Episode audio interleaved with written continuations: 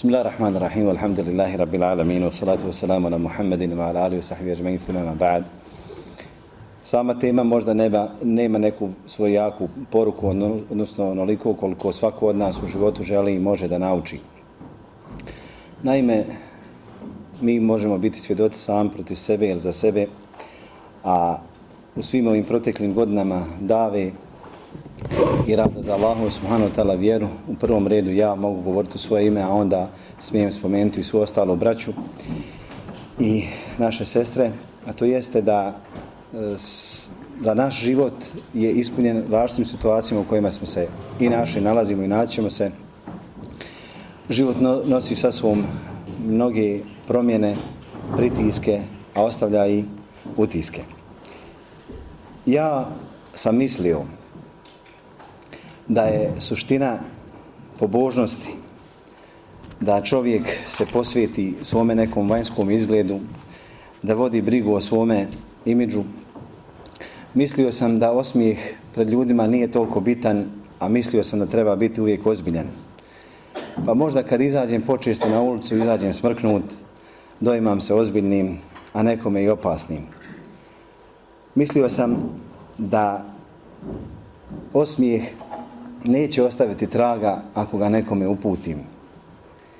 Da nije, nikome, da nije većini ljudi bitno da kaže jel imam uredne zube ili nemam, ali nisam razmišljao da osmijeh, odnosno sama pobožnost, treba da bude popraćena mojim odnosom prema javnosti. Nisam znao da spojim između nijeta i svoga odnosa prema drugima, nisam znao da izađem u javnost čistoga srca, misleći svim ostalim ljudima oko sebe dobro. Onaj ko je ozbiljan i ko se okrene Allahu subhanahu wa ta'ala želeći njegovo lice, njegovu naklonost, njegovu milost, onaj ko bude iskren u svome životu, treba da zna da suština nije u izgledu niti dužini brade, niti kratkoćne ogavica, niti lijepoj kravati, lijepoj košulji, nego suština jednog pobožnjaka, jednog muslimana u koje su uprte oči sviju ljudi jeste zadnja trećina noći, jeste stizanje na prvi tekbiretul ihram u namazu, u prvi saf, iako kod nas većina džamija ima samo prvi saf. I pored svega toga mi ne stignemo ni u taj prvi saf, a drugog nema. Zatim, nisam možda ni upotrijebio dovoljno vremena u naređivanju dobra i sprečavanju zla, niti da otklonim od ljudi neki jezijet koji im smeta, puno puta prođem kraj kamena na cesti, kažem ne smijem se zaustaviti, neko će me zalijepiti pozadi, nemam vremena da postavim trokut, nisam razmišljao, jer ne razmišljamo, o načinima činjenja dobra. Naši preci su znali u što će iskoristiti vrijeme i svoj metak. I pored toga što su stalno radili, bili su izloženi fizičkom naporu, ostavili su za sebe mnogo tragova hajrata od sebi ili česmi, od medresa, musafirhana, džamija, šadrvana, hladovina, u najmanju ruku zna su gdje će i kad će posaditi drvo. A mi danas, ili ja danas, ja moram govoriti u svoje ime, da se ne bi neko naljutio pa kaže, reći će, prozvuo si me. A ja danas razmišljam koliko je sadnica, ili tri po, ili četiri marke, koliko će me koštati leđa, kopanje rupe, donošenja džubriva i tako dalje. A nisam razmišljao, ne razmišljam, hoće li se neko u toj hladovini odmoriti ili hoće li se neko sa tog drveta najesti. Očiti ihlas ili privrženost ibadetu, pobožnost, ili kako se to arapskom kaže, eltizam, jeste kada sretneš svakog čovjeka na ulici, da na najljepši način ili nazoveš ili odazoveš se na selam ili na pozdrav, jer neko te neće poselam, neko te samo onako pozdraviti, da mu pokažeš svoju pažnju kad, te, kad ti govori da ga slušaš i da ga u oči gledaš, kad te neko pozove da mu se na telefon javiš, a ne da čekaš kad će prekinuti vezu ili kad će prekinuti svoje, jer ne želiš da mu se javiš. Zatim sam odlučio da moj život ide u tom smjeru, da postupam onako kako je sallallahu alejhi ve sellem rekao i da se nasmiješ u lice svoga brata je sadaka, pa da podijelim i ja tu sadaku. Ako nemam para, imam barem osmije na licu. I to treba svako imati, treba svako znati. Ali treba se znati i snaći u društvu. Jer nije ispoljavanje snagi time što će složiti obrve i pred nekim pokazati kako si ti jak ili zašto skoro iz teretane pa se osušla znoj na majici, zalijepila se na leđa i svi misli, misli da svi znaju koliki ti je onaj biceps i triceps, tako dalje. Nije suština u tome. Suština je snagi, ja sam to mnogo puta spominio na, na dersovima, suština je snagi na ranom sabahu dići organ koji ne, ne teži više jednog kilograma. A ne može ga svako. Ne može svako podići organ. Ima i koji kaže, mm, još malo, mm, još malo i još malo, dok ne bude ostalo nimalo. Allahu poslanik sallallahu alaihi sallam nije nikada se namrštio, niti naljutio, niti složio lice, osim u slučaju kada se ljutio za Allahu subhanahu wa ta'la vjeru, kada bi neko skrnavio čast Allahu subhanahu wa ta'la vjeri, kada bi neko činio harame ili govorio o vjeri iz neznanja. Zato okrenite strancu u svome životu. Nemojte da mi budemo ambasadori mržnje u našem društvu, mediji, okolina, naš komšiluk, naši prijatelji, naše porodca, govorit ćemo o tome, su svjedoci da li za nas ili protiv nas.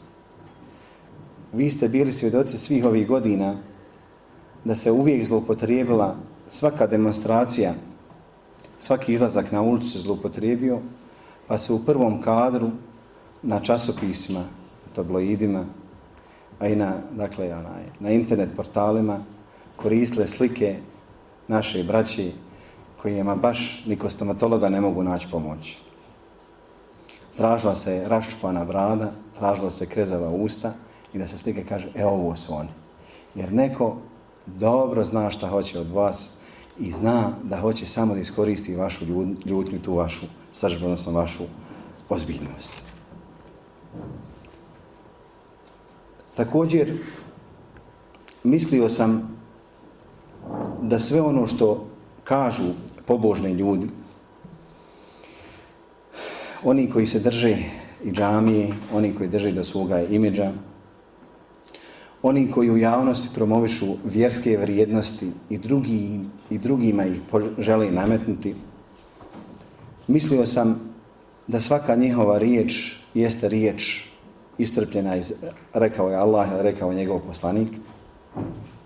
Mislio sam da većina tih pobožnjaka, iako se dakle mogli ubrajati među tragavace za znanjem ili tulabul ilm, mislio sam da većina njih neće slagati na Allah ni na poslanika. Znao sam da se trude, da žele čim više da primijene od onoga što su naučili, ali počesto i primjena se odbila i njima o glavu, a i svima nama. Sjetim se priče Ebu Hanife, rahmehullahu ta'ala, kad je govorio o jednom, dakle, jednostavnom propisu, kada kaže, sallallahu alaihi sallam, i da gaveti šemsu eftare sa'im, kada zađe sunce, iftari se postač.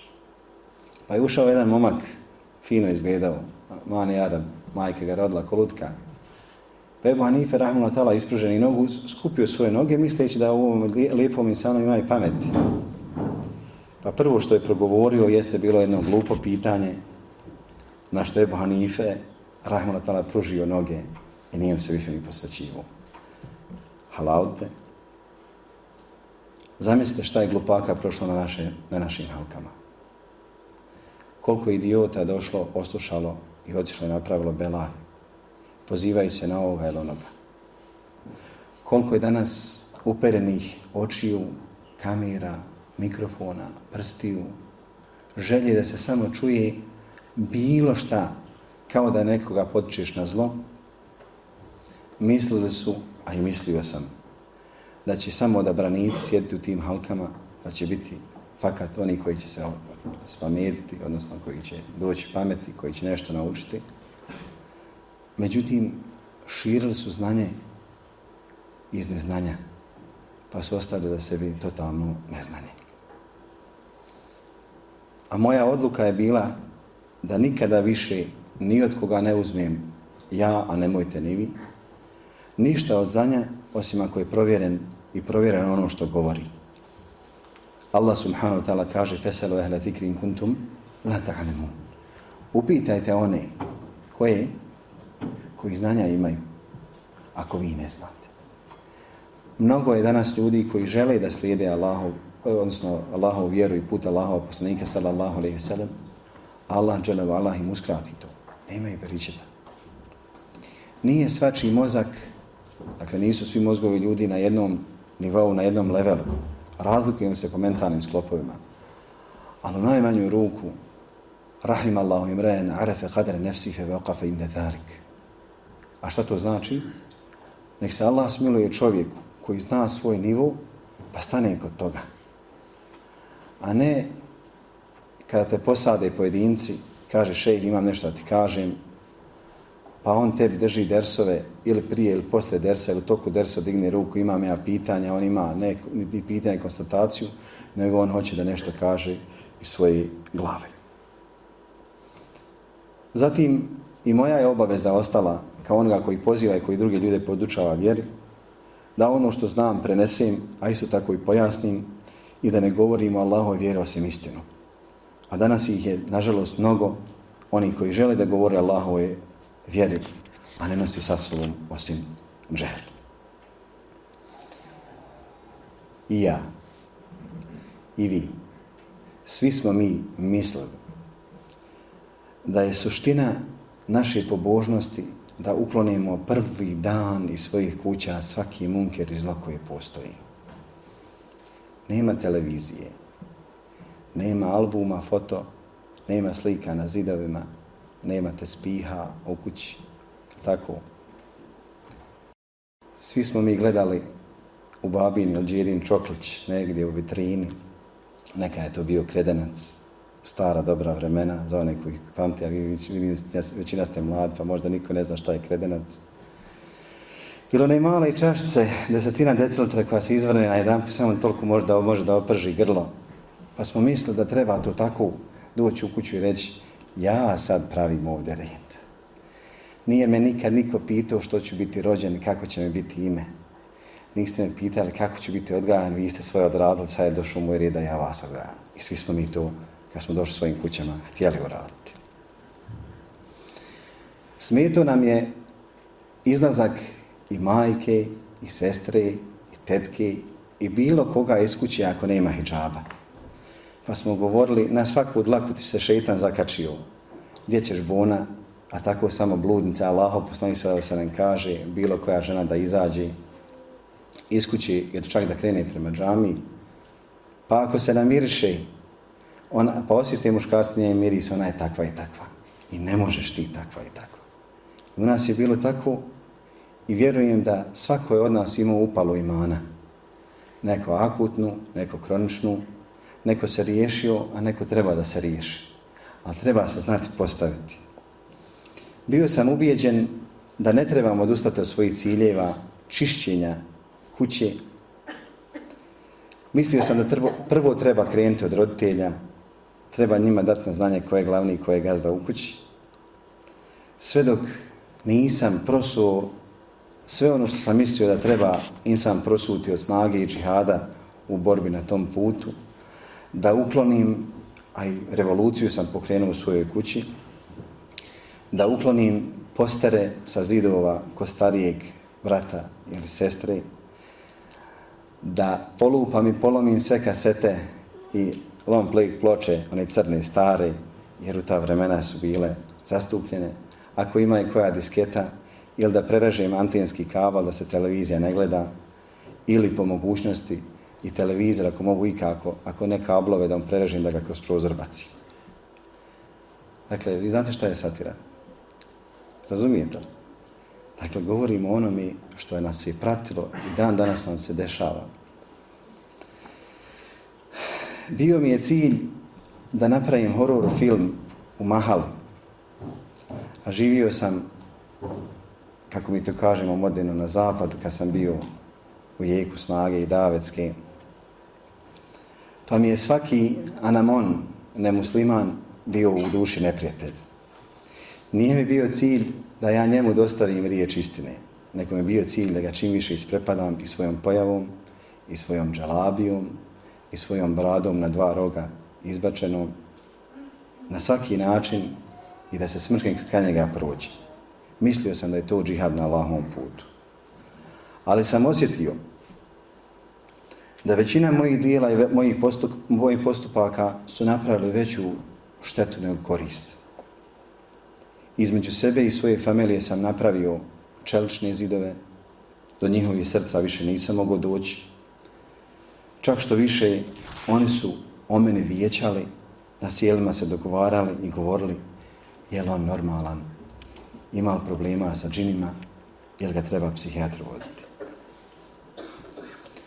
Da li su na mene utjecale grupacije i grupe ljudi, oni koji imaju ekstremna mišljenja, oni koji imaju drugačije standarde u životima, a umjesto da iskoristim metodologiju ili metod lijepog poziva i lijepog načina obhođenja, posebno prema svojoj porodici, odnosno svojoj familiji, ja sam iskoristio ono što ne bi ni musliman prema nemuslimanima iskoristio. A onda ispred mene se pojavile dvije velike zadaće.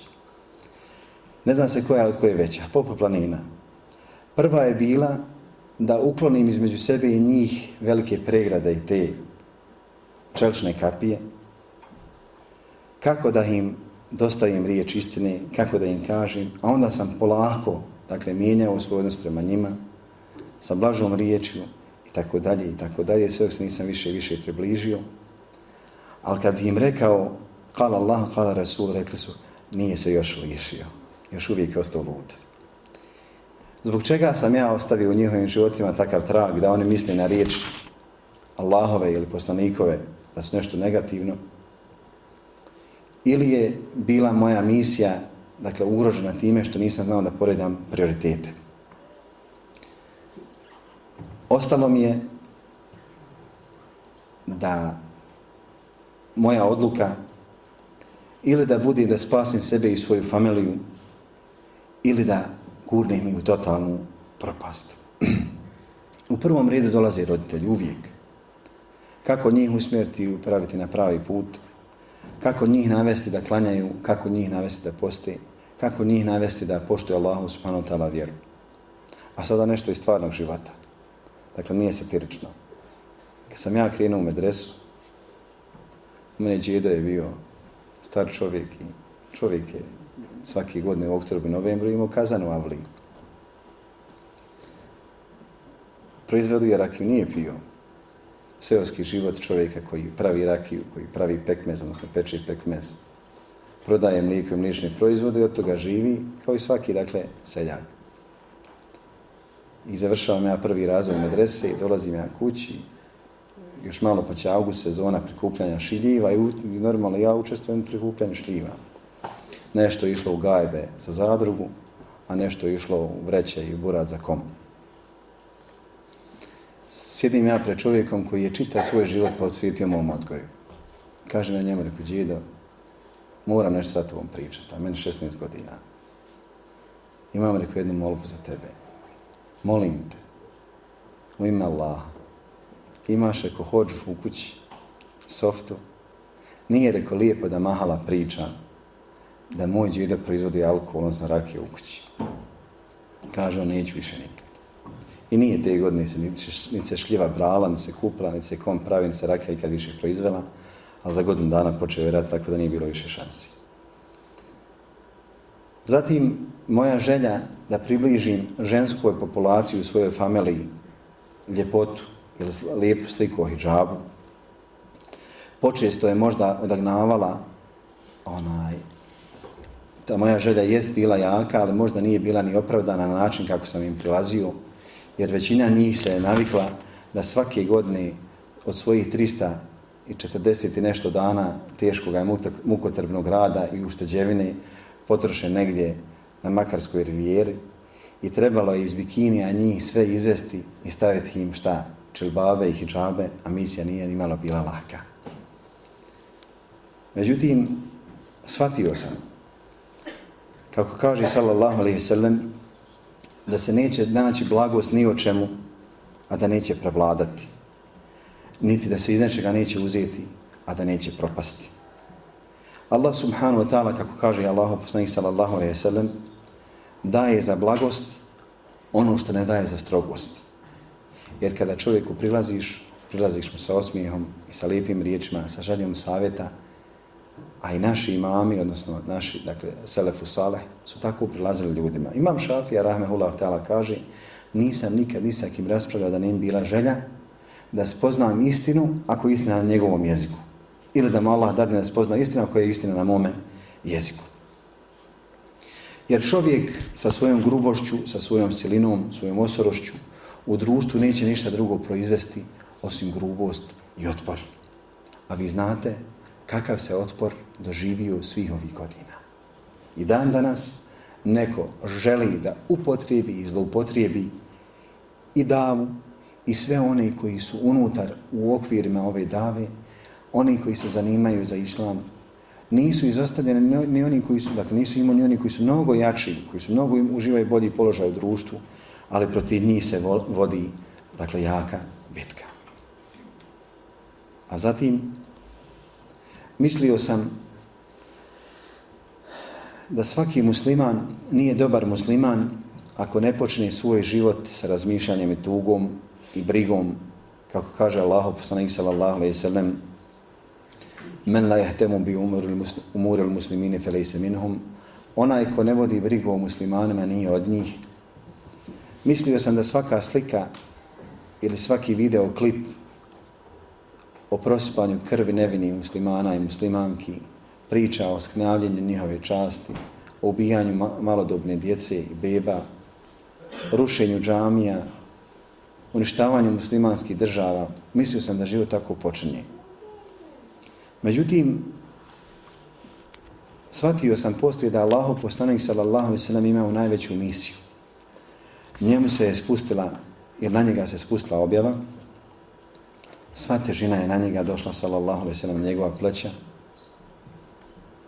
I na početku njegove dave podršku su mu pružili najprije njegova supruga, a onda njegov prijatelj Ebu Bekr i njegov rođak Alija radijallahu anhu međma'in. Poslanik sallallahu alaihi sallam je uzeo na sebe zadaću da širi islam i da sam stane ispred čitavog čovječanstva. Umar salnake ila rahmetan lil alamin. Rahme, milost. I on kao takav sallallahu alaihi sallam se doživio I tako se pred umetom stavio. Umet, čita umet je bio umet dave. Dakle, trebao je svakoga pozna, pozvati i do svakoga donijeti poslanicu ili da do njega dođe misija. Poslanik sallallahu alejhi ve sellem ni ashabima nije uskraćivao užitke. Nije ih ružio za ono što su odlučili se da u svom životu odvoje za dobro. Pa je recimo jednom prilikom, kao što je došlo u hadisu, u razgovoru između Hanzala i Esedija, kad je došao Allahom poslaniku sallallahu alaihi sallam pa kaže Allahov poslaniče mi kad smo kod tebe, kad je na našim glavama, kao da su ptice, dakle toliko smo mirni, koliko nam govoriš o ahiretu i upozoravaš nas od sudnjeg dana. Kaže, kad uđemo, kaže, svojim kućama, sve to zaboravimo. Pa bojim se, kaže Allahov poslaniče, da je to nifak. Kaže sallallahu alaihi sallam, a govori o nečem što zove ljudska duša, a treba to spoznati. Kaže sallallahu sallam, ja hanzale, esatu sah. Hanzale, nekad malo ovako, nekad malo onako. Nekad malo ibadeta, nekad malo opuštanja. Šta se fali na šalt, šta se fali na smijat? Jok, nema smijeha, samo ozbiljno. Allahu poslanik sallallahu alaihi sallam se znao na. Znao je napraviti veselu atmosferu sa ashabima, Kada je Allaho poslanik sallallahu alaihi sallam rekao da kad se siđe sa mimbera na kurban bajram, svako ne prinesi ono što može o žrtvi. Kaže, pa Bilal, a šta je Bilal bio u vrijeme Allaho poslanike sallallahu alaihi sallam? U jesen. Kaže, Bilal je donio horoza. Kaže, sallallahu alaihi sallam, hoćemo jezin da zakoljemo jezina. Jedna žena je došla Allahom poslaniku pa kaže, Allaho poslaniče, ja kaže, ne mogu da putujem, nemam jahalci. Kaže, daću ti dijete od devi. Kaže, što će meni dijete od devi? Kaže, sallallahu alaihi sallam, pa zar deva ne rađa devu? Opet ćemo ti kaže dati devu. Prilikom Allaho poslanik sallallahu alaihi sallam pita jednu ženu, Kaže, Jelana je tvoj čovjek što ima, kaže, bjelinu u očima. Kaže, subhano šta mu je bilo? kaj ništa. Svaki čovjek ima oči, odnosno ima svoju bionjaču. Pa je Allah poslanik sallallahu alaihi sallam bio jedan od nas, bio jedan od njih, od ashaba. Bio je čovjek, imao je svoju stranu, imao je svoju prirodnu stranu, znao je kako je postupiti. Znao je kada treba biti milostiv, znao je kada treba govoriti ozbiljno, znao je salao sam kada se treba i kada se može našaliti. Njegov život, a i naši životi, u njima ima prostora i za radost i za tugu, i za smijeh i za plač, i za ljubav i za mržnju, i za zadovoljstvo i za srđbu, i za Hamas i za strah. U našim životima ima mnogo prostora. A nepravedno bi bilo kada bi neko išao samo jednim pravcem, on bi sigurno propao. Pa sam odlučio da moj život bude onako kako je bio menhađ ili program Allahova poslanika sallallahu alaihi wasallam. Da mi njegov, njegov život bude vodilja, njegova sira, pa da se ponašam i onako i onako. A i svi oni koji su oko, oko mene, da me prihvataju kao takvim. Nemoguće je, dakle, zadovoljiti svakoga, svak, svačije očekivanje i svačiju požudu, ali treba sebi pružiti oduška, ne treba sebi zatvarati ni jedna vrata. Ostaje na tebi, dragi brate, cijena sestro, da odabereš kojim ćeš putem hoditi. Također sam mislio da šejhovi i daje onih od kojih slušam hutbe, dersove, predavanja i tribine, da su to duhovni ljudi koji ne mogu pogriješiti i da njihova srca u sebi ne nose nikakvu zlobu, da njihove riječi su ispunjene mudrošću, to jeste totalnom istinom, mislio sam da šeh neće nikad odvesti nikoga na loš put, pa ni mene. Mislio sam da su oni iznad greški i da nikad se neće suprostaviti šarijatu. Svaka njihova odluka, svaka njihova fetva je bila moja fetva. Svaki njihov odabir, načina života za vjeru je bio i moj odabir. I počesto sam doživio da u društvu kada sjedim sa onima koji su šehovi, kojima su šehovi bili drugi i oni koji nisu bili moji šehovi, pa bi došlo do rasprave i svako od nas bi govorio za svoga šeha da je u pravu neuzubila kao da je njemu spuštena objava, pa ono što je objavljeno mome šehu iz knjiga što je naučio, to je moj bezheb i moj mezheb nikako ne može da bude podložan kritici. Fetva moga šeha moga daje je jedina autentična fetva i moj šeh ne može dakle sa pravog puta skrenuti. Međutim, odlučio sam, odnosno shvatio sam da samo poslanik sallallahu alejhi ve sellem je nepogrešiv i da nema nikoga u istoriji čovječanstva niti islama za koga se moglo, kako što, kao što kaže imam Malik rahmehullah ta'ala, kulun yuhadu wa yurad ila sahib hada qabr ili maqam od svakoga se uzima i odbacuje osim ovoga koji ovdje leži pa je pokazao sa, rahmetullah alaihi na kabur Allahova poslanika sallallahu alaihi ve sellem i shvatio sam da je svaki šeh i svaki daja čovjek od krvi od mesa da i on ima petorcu koji ga prate i još dvojicu iz državne službe bezbjednosti četiri meleka, jednog šeitana i ova dva iblisa. I ništa nije čudno u njegovom životu. Ima šehova i ovakvih i onakvih. Imate šehova koji više nisu šehovi. Imate neke koji se nikad neće biti prestati biti šejhovi, jer im u originalu imen piše al šejh. Ali isto tako shvatio sam da od edeba i kulture nije da potvorim nikoga od tih Allahovih robova. Innema jahša Allahe min ibade il ulema. Allaha se stvarno boji od njegove robova učeni. Ako im Allah Đelešanu dao, omogućio, pa su učili pred drugima, stjecali znanje, pa su ostavili godinama i godinama svoje i porodice i svoje države, putovali, stjecali znanje, ostaje na meni da ih cijenim, da ih poštujem. Moja obaveza i odlučio sam. Da ne ulazim u rasprave šehova, da ne pridikujem reka ovaj ili reka onaj, da ne nasjedam na otrov FBA ili sličnih društvenih mreža gdje se prepucavaju, gdje se javno iznose stavovi i da ja budem žrtva da sutra nekoga gleda mrko, a on mi ništa u životu nije nažal učinio. Kaže sallallahu alaihi ve sallame, Ali radijallahu anhu arda, La jehdi Allahu bike rađulen wahiden, hajrun leke mine humrin nijan. Da Allah Đelešanu uputi tvojim sebebom jednog čovjeka, bolji ti je vredniti od crvenog blaga, mislići aludirajući na ono što se smatralo kod njih bogatstvom od jedne vrste diva. Imam Šafija, rahmehullah ta'ala, kaže, kogod me nešto naučio, postajem njegovim dužnikom.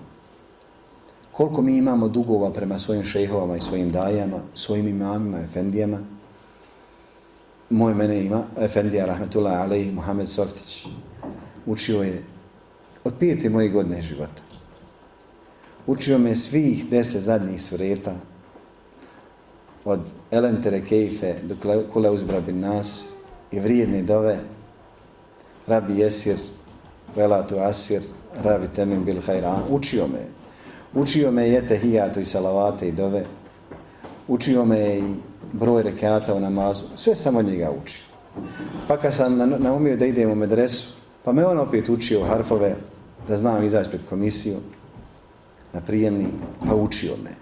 Ja dan danas, a od toga vremena je proteklo ni manje ni više, 28 godina od kad sam zadnji put sjedio pred njim, i dan danas mu učim dove. I svakom svom šehu, svakom daji od kojeg sam nešto naučio, ja mu učim dove. A to što se oni razišli, ili oko neke mesele se nisu složili, ja nisam pred Allahom odgovoran, sve do onog trenutka dok ne uđem u tu temu i ne počnem da branim jednoga ili drugoga.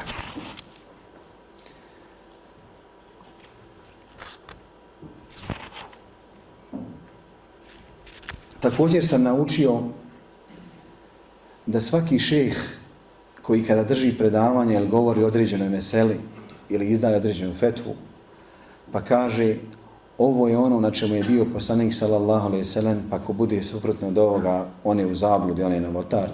Naučio sam da, ša, da taj šejh želi samo sebi pridobiti masu. Naučio sam da onaj ko promoviše sebe u društvu i stalno govori ja, ja sam, ja sam, ja sam, da on ne može biti pravi šejh, jer Allah poslanik sallallahu alaihi sallam nikada nije za sebe govorio, ili rijetko bi kad spomenuo ene, to jeste ja, nego je pokazao to svojim dijelima. Zatim sam mislio o jednoj drugoj meseli, a to jeste kako se postaviti prema svima onima koji nisu muslimani, u svim izlaganjima, svim zaključivanjima, čitanjima, proučavanjima, slušanjima drugih. Skontuo sam da svaki nemusliman, onako kako je opisao Allah, jeste samo stoka. A onda sam otkrio ko je stoka da kuranski tekst kada govori o širku i kufru i o nimetima o Allahom subhanahu stvaranju i kome pripada zahvalnost, da je svakoga onoga ko se nije zahvalio Allahu Đelešanu nazvao šta? Riječu enham, stoka. Ali kada pogledaš u kuranske hadijske tekstove, odnosno posebno u kuranske, kada vidiš kako se Allah pravedno odnosi prema svojim robovima, bez obzira bili muslimani ili nemuslimani, da mi kao muslimani nikako nismo smjeli da budemo zadnji. Nismo smjeli dopustiti. A šta su muslimani nego šta? Zadnji. Sramota je da u svim spektrima života, u svim porama života, od najmanje trunčice kojeg čovjek može da učini dobra, da ukloniš neku smetnju sa puta, ili sam malo prije spomenuo da posadiš drvo imajući nijed za nekoga drugoga, a nekamo da, pre, da doprinesemo nauci da spašavamo tuđe živote. Živote i živote nas, naših muslimana, a i nemuslimana. Svatio sam da hadis Allahova poslanika sallallahu alaihi ve sellem kada kaže fi kuli kebidin ratibin sadaka u svakoj, dakle, važnoj džigeri, u svakom živom biću čovjek mora zaraditi sadaku. da može zaraditi sadaku i kod onoga ko musliman nije, a da ga ne ponižavaš i ne vrijeđaš. Nije samo ibadet ne vejtu enu salije lillahi ta'ala, nije samo ibadet ne vejtu ene sume, nije samo ibadet lebejk Allahumme hađen i umreten. Dakle, nije to samo ibadeti. Ibadet je mnogo više ili veći stav jeli, stepenca iznad toga. Naučio sam, shvatio sam da su muslimani doprinijeli uveliko pronalascima mnogo čega i da danas svi ljudi na Dunjaluku ne bi uživalo mnogim stvarima da nije bilo otkrića muslimana. Saznao sam, govorili smo o tome, saznao sam da su muslimani bili prvi koji su otkrili Ameriku. Nije to bio Kolumbo, kako se tvrdi, nego je Kolumbo se upoznavši sa muslimanima Andaluzije, dobio od njih upute, kako smo rekli, naši preci vijekovima prelaze tamo ili tamo ima kontinent. Pa je zatekao ono što je zatekao. Nije to tema danas naša. A onda je došao, došli su svijeti, takozvani njihovi svijeti ratovi. U vremenu kada je kršćanska Evropa smatrala nauku borbom protiv crkve. Kada se kupanje smatralo šta? Do te mjere grijehom i herezom. Nije se smjelo kupati. Luj 16. Šta mu je Hećim rekao kad se razbolio? Samo mu jedan lijek propisao. Kaže, okupaj se. A muslimani su 800 godina prije nego što je Evropa spoznala to, imali javne WC i kupatila u svojim kućama na dvorovima bogataši. Doprinijeli su da se izmisli i ovo što u mene pilji, pa se zvalo u arapskom Ibn Haytham rahimahullah ta'ala je otkrio prvi takozvanu kumru, kumra, a mi je danas zovemo kako? Kamera. Ovo isto, sad ništa ne vidim, ovo isto Ibn Haytham je otkrio, dakle, sočivo za naočale, šta bi nas danas bilo na ulici Škiljavih, i bi mogli dobiti vozački, onaj, da nam nije bilo Ibn Haythama. Da ne govorimo o astrolapu, da ne govorimo o matematici, o brojevima. Ko je prvi letio? Braća? Braća muslimani. Kažu, sinom sam jedan dersu, kaže, leteli su, kaže, braća Rajd. Braća Rajd su pokušali da leti, pa su pali. Prvi koji je letio mnogo vijekova prije braće Rajt je bio ko? Ibn Firnas, rahmehullah ta'ala. Pa danas kad god sjedneš negdje na Meraji, pa pogledaš u nebo, onim mlazni avioni, sjeti se Ibn Firnasa, da je on prvi letio i on je dao ideju kakav Ikarus i kakvi bakrači. Ali onda sam skonto da zapad i kršćani, nemuslimani, čafri, nisu nama ništa krivi. Mi smo sami sebi krivi. Svatio sam da je moja vjera, vjera Dunjaluka i Ahireta, da je moja vjera, vjera života i Ahireta, da je moja vjera nauka. Svatio sam i odlučio sam da ja budem taj koji će proučavati, da ne mogu meni drugi dolmiti moj mozak, da ga mogu puniti koji kakvim, kakvim informacijama. Ali isto tako sam živeći, putujući, prateći, analizirajući život na zapadu, vidio sam utančanost, ljepotu, čistoću. Termin, u toliko dolazim, u toliko počinjem, toliko završavam. Ako hoćeš, kaže jedan brat, živi u Švicarskoj, kada hoćeš da izađeš na push pauzu, onaj karticu obavezno klik-klak i na povratku klik-klak. Pa te tri minute računava da čim manje prođe, ne bi ostalo više franaka. Kaže Allah, vidiš kako se kaj ljudi, da čim prije ispuše, ko da mora da puši. Ali eto, neko je time iskušan. Ali kod njih se brine o vaktu. A kad dadneš termin, ili dadne ti neko termin, kaže, vidimo se u 12.20 nakon podne namaza, sad u 11.20. Pa ti izađeš pred džamiju, pa i one dede su i ozikrili. Ti zikrio nisi, ti će izašao. Oni su i ozikrili, otespihali, proučili dovu, a duže nije bilo. Sve što je znao hođa da rekne, rekao je na amin. I svi se razišli i kafu su bile se popili, a njega još nikad nema. Pa posahad, pa onda se ka, pa onda sjeti se vela hasr, inne insana lefi hosr. Kome je objavljeno? Muslimanima. da Bog da propuo svako onaj koji se šta? Vremena ne bude držao. I tako me vremena, propao je svako onaj ko, koji? Svaki insan koji ne bude ila ladine šta? Amenu, uamilu salihat, koji ne budu vjerovali, koji, ako si vjerovao, vjerat ćete postaći na to. Nemoguće da musliman u svom životu vodi brigu o vaktu, pet dnevnih vaktova, stalno toku godine se mijenjaju, dakle vremenski, odnosno vreme, e, pomjeranje izlazak ili zalazak sunca. Nemoguće onaj ko se drži vaktova da kasni pet minuta, a nekom, nekamo više od toga, ila ladina amenu, u amilu salihat, da bi činio dobra vjera, moraš navaka doći, jer ode, prođe, i oni koji šta? Govorite, braću, ne bojite se, ba. Jedni drugima preporučuju dobro i strpljivost. A, aj na kraju ja trpim da on meni dođe na vakat, aj doći on, šala, ja ću opet se strpiti. Ali kod čafira toga nema. Kod nevjernika toga nema, kod nemuslimana toga nema, dok, recimo, naši neprijatelji posjeduju atomsku bombu, a možda i hidrobombu, mi još uvijek raspravljamo da li se može stajaće voda zagaditi ili ne može. I za kraj, mislio sam da moja privrženost vjeri, moja pomožnost, moja dava i moji ciljevi jest velik broj musalija u džamijama. Mislio sam da svaka žena muslimanka treba da ima šarijatsku odjeću. Mislio sam da što više iskoristim riječi šarijatske termine, mustahab, vađib, farz, haram, halal i tako dalje. Mislio sam da je suština dave.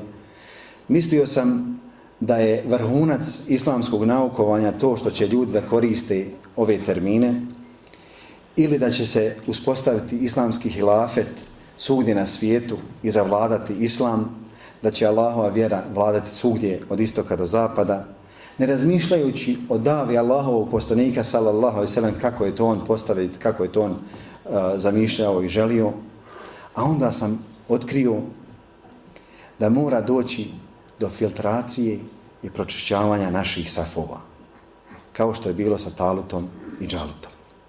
Kada je Talut pozvao svoj narod i rekao moramo se suprostaviti Džalutu, dakle kako to se kaže, Golijatu, moramo se, kaže, suprostaviti Džalutu, pa se, kaže, skupila svita svih njegovih sljedbenika od običnog naroda, sve dok trenutka dok, dok nisu došli na vodu. A onda je on rekao, neće se sa mnom, kaže, boriti onaj ko se napije sa ove rijeke, ila meni terefe gurfeten bijedi. Osim onoga koji kaže, šta, uzme malo u ruku vode. Fa minhu illa qalil. Kaže Allah Đerlešanu, pa su se napili svi, osim nešto malo. I kaže njima, Talut, idemo. Ovi su gotovo, ne mogu, preko rijeka, oni ne da, ne mogu se, ne može se prijeći, vrate se. Kada su došli pred Džaluta i njegove vojske, povikaši, nemamo mi, kaže, snage da se borimo protiv Džaluta i njegove vojske. Pa od tog malo otpade mnogo, pa ostade od malo malo. A onda sam odlučio da ova dava neće biti podpomognuta sa mnogo, niti onih koji sjede po kafićima ili slaščarnama i raspravljaju e šta ćemo za ovaj umet, niti sa onima koji misle da je glavno preopterećenje samo razmišljati o tome, a ne popraviti sebe, svoju porodicu, svoje društvo, svoj komširuk, svoje prijatelje. Pa sam odlučio da ako želim da budemo spašene skupine, da idem onim putem kako je išao poslanik sallallahu alaihi sallam i kako mu je bilo naređeno. Najprije da se kloni čega? Da sa sebe očisti svoju odjeću, da očisti svoje tijelo, da se očisti svoja duša i da se tim putem kreni. Ima još mnogo toga, ali možda nekom drugom prilikom. Wa sallallahu ala sayyidina wa nabina Muhammad wa ala Muhammad wa jazakumullahu khairan jazaa barakallahu fikum wa assalamu alaikum.